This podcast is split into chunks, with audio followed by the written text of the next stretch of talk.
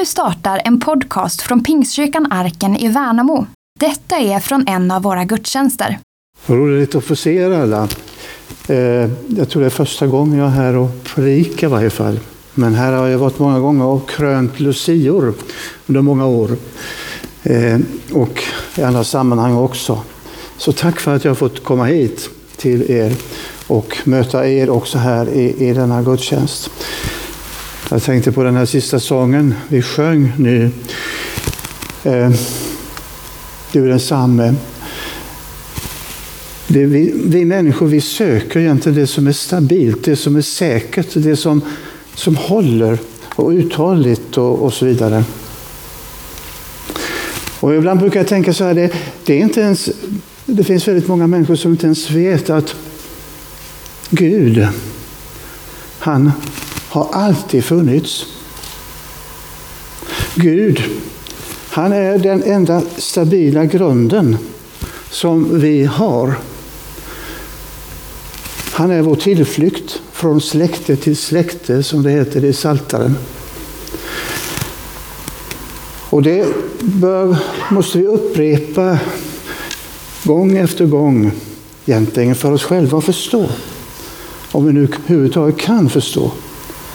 Men Gud är den enda grunden som håller, som är det stabila, som alltid är, som alltid finns och finns för oss, för dig och mig.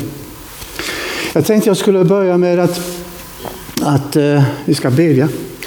Och så ska vi läsa en text som jag ska tala om. Så låt oss be.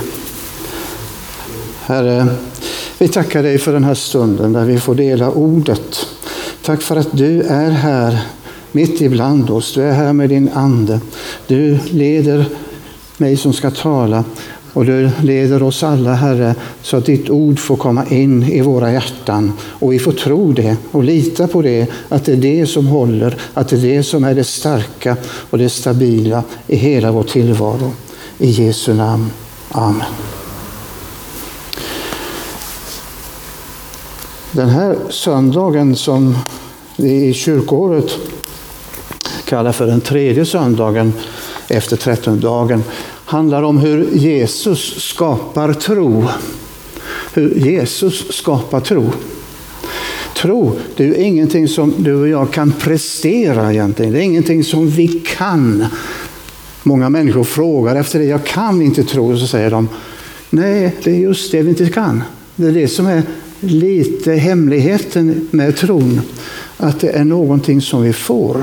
Någonting som är en gåva från Gud och som handlar om en öppenhet och en ödmjukhet. Ödmjukhet eh, heter humilitas på latin och det brukar man då eh, förklara så här att det är som den öppna jorden. Den som ska, där det ska myllas ner ett frö. Och eh, ödmjukheten, det ska vi se då som det är trons frö som ska mylas ner när vi är ödmjuka och öppna inför Gud. Då mylas det ner och så får det gro. Jag läser nu ifrån eh, Johannes evangeliets fjärde kapitel ifrån vers 46. Jag vet inte om det kommer upp. Där kommer det upp, ja. Han kom alltså tillbaka till Kana i Galileen där han hade gjort vattnet till vin. En man i kunglig tjänst hade en son som låg sjuk i Kafarnaum. När han fick höra att Jesus hade lämnat Judeen och var i Galileen sökte han upp honom och bad honom komma ner till Kafarnaum och bota hans son som låg för döden. Jesus sa till honom, om ni inte får se tecken och under så tror ni inte. Ämbetsmannen sa, Herre, kom innan min son, mitt barn, dör. Jesus svarade, gå hem, din son lever. Mannen trodde på vad Jesus sa och gick. När han ännu var på väg hem möttes han av sin tjänare, eller sina tjänare som talade om för honom att pojken levde. Han frågade då, vid vilken tid på dagen han hade blivit bättre. Och de svarade, igår vid sjunde timmen lämnade febern honom. Då förstod fadern att det hade hänt just när Jesus sa till honom, din son lever. Och han kom till tro, liksom alla i hans hus. Detta var det andra tecknet och Jesus gjorde det när han hade kommit från Judeen till Galileen. Så lyder det heliga evangeliet. Lovad vare du, Kristus. Amen. Jesus var på väg från Samarien och till Galileen. Och ni vet att när han gick genom Samarien så stannade han vid en brunn, Sykas, i Sykar, i staden Sykar. Och där var det ju en kvinna med en vattenkruka. Den kommer ni ihåg säkert den berättelsen. Och det blev ju ett omtumlande möte för den här kvinnan. Hon började vittna om Jesus som hade berättat eller sagt vad hon hade om hela hennes liv. Och hon, hon eh, fick människor att börja tro på Jesus. Och sen fick eh, invånarna där i Sykar möta Jesus personligen. Och då blev det ännu fler som trodde. Därför att nu hade de hört hans egna ord och de började förstå att Jesus som kom till dem var världens frälsare. Och nu hade han kommit ner i, till eh, Kana i Galileen. Och då måste ju på något sätt ryktet gått före. För evangeliet berättar ju om en man som står här i kunglig tjänst. Som hade en son som var svårt sjuk. Han låg för döden. Den här mannen han sökte upp Jesus. Och han bad honom komma ner till Kafarnaum och bota hans son. Och det är då som Jesus säger, om ni inte ser tecken och under så tror ni inte. Men ämbetsmannen, han är ju i en sån desperat situation. Man förstår det när man lyssnar in vad han säger. Han har sett eller hört och förstått, är Jesus det som det talas om, det man säger om honom, då är han ju mitt enda hopp. Så han ger sig inte utan han säger Herre kom innan mitt barn dör. Han älskade naturligtvis sin son. Och han var så förtvivlad. Jesus svarar honom Gå hem, din son lever. Och så står det att mannen trodde vad Jesus sa och han gick. Han går hem i tro och inte i åskådning. Och på vägen hem så får han bekräftelsen. Han möts av sina tjänare som kunde berätta att hans son levde. Och så undrar han, när hände det? När vände det? Ja, det var vid sjunde timmen. Och så tänker han efter och så ser han och förstår han, ja det var ju då som Jesus sa, din son lever.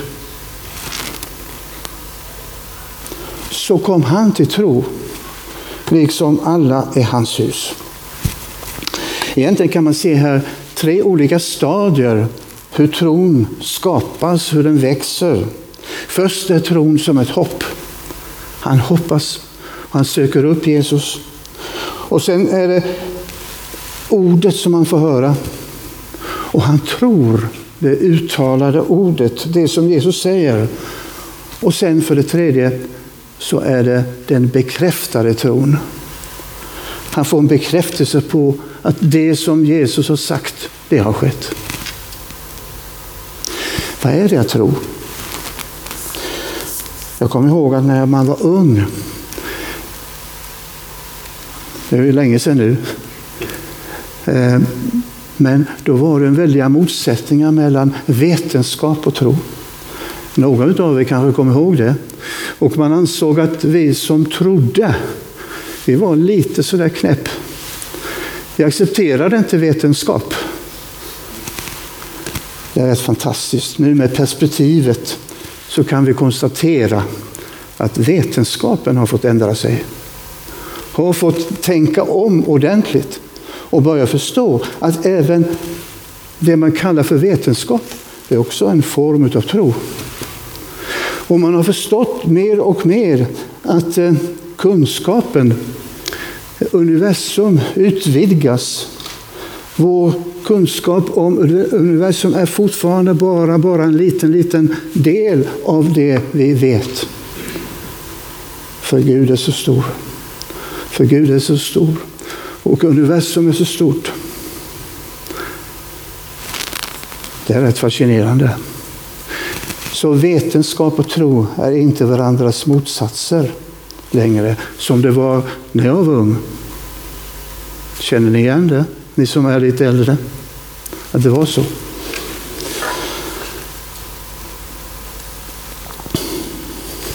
Det är till och med så att man kan idag läsa om hur man faktiskt är evolutionister, sådana som, som tolkar utvecklingsläran och, och, och driver den.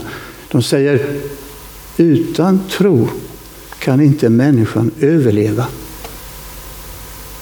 Utan tro kan människan inte överleva. Nej, det är egentligen ganska enkelt att förstå att så är det. Hade jag inte, har jag inte en tro på att det kommer en morgondag, då blir det lite svårt att överleva. Eller hur?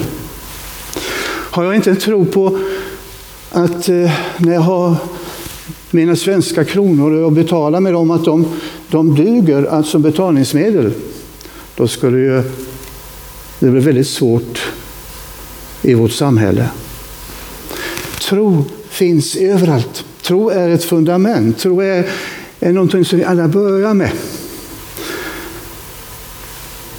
Och när man tittar på och ser ett litet barn, har ni tänkt på det? Man tittar på en nyfött barn. Och då ser man, då ser man tro. Låt barnen komma till mig och hindra dem inte, ty Guds rike hör sådana till.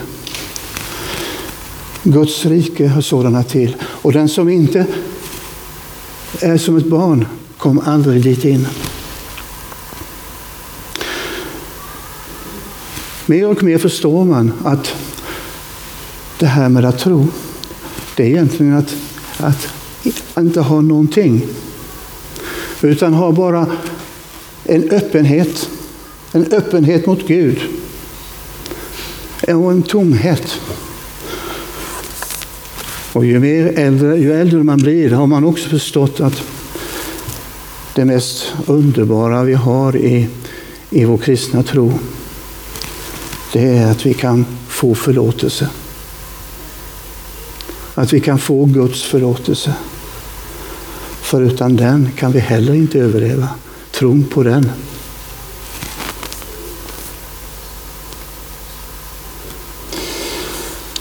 Det betyder egentligen, och det vill säga att tro, det är inget onaturligt.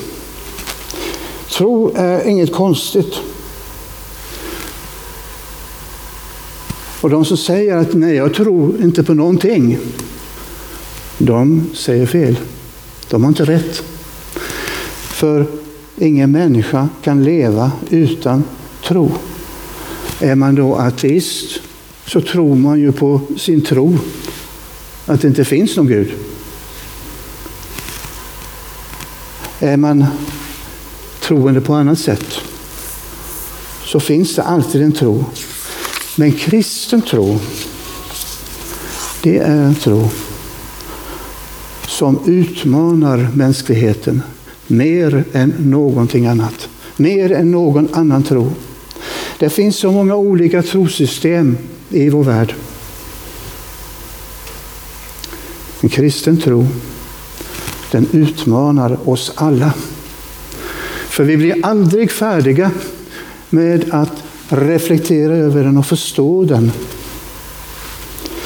För Guds kärlek så älskade ju Gud världen att han gav sin enda son för att den som tror på honom inte skall gå under utan ha evigt liv. Ty Gud sände inte sin son till världen för att döma världen, utan för att världen skulle räddas genom honom. Jag tänker på, vi är ju alla skapade av Gud. Därifrån kommer vårt liv. Där har vi livets källa, det är Gud själv. Och Gud umgicks vi med i Edens lustgård en gång.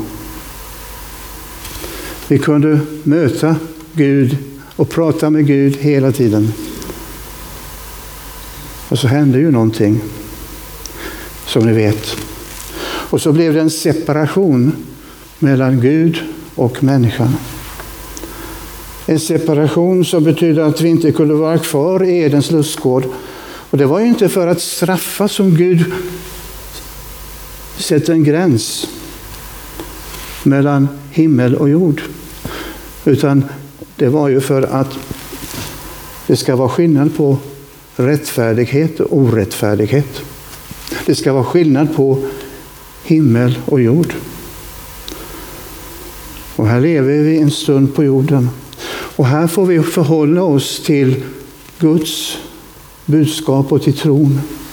Att tro på honom eller ta avstånd ifrån honom. Och han arbetar med var och en av oss. Med sin kärlek, som den lilla bibeln bland annat, som jag citerade, säger. Guds kärlek är så stor, så enorm. Hur kan man stå emot den?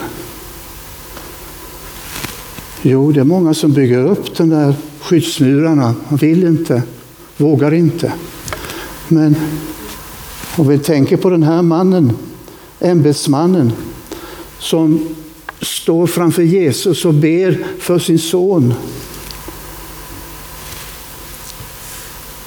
Han hade kanske förväntat sig att någonting stort skulle hända. Det skulle ske under på en gång, det skulle ske tecken och att Jesus skulle, ja jag vet inte vad man tänkte. Men Jesus säger bara, gå hem, din son lever. Och mannen trodde på detta ordet. Och så går han hem. Människan svarar på Guds tilltal, antingen genom att ta avstånd eller att tro. Den här mannen trodde. Han trodde, ja vi vet inte vad han hade för bakgrund egentligen, om han var jude, förmodligen var han så. Om han var troende, ja det vet vi inte heller från början, eh, att han var i det gamla förbundet. Och nu fick han möta det nya. Vi vet inte. Men eh, han knöt allt sin, sitt hopp till Jesus. Så började tron där. Och han var tom. Han hade ingenting att komma med. Och så börjar hans vandring hem. Och på vägen hem så kommer tjänarna och berättar för honom att hans son levde. Och så blev hans tro, den blev bekräftad. Det var så som Jesus sagt. Och han undrar, när skedde detta? När blev förändringen? Och då hörde vi om, ja det var vid sjunde timmen. Ja, det var ju då Jesus sa de här orden. Gå hem, din son lever. Då skedde förändringen och så blev tron så bekräftad och han kunde inte göra annat att, än att bli omvänd. Att Jesus blev hans frälsare och Herre. Och hela hans hus omvändes och trodde Jesus.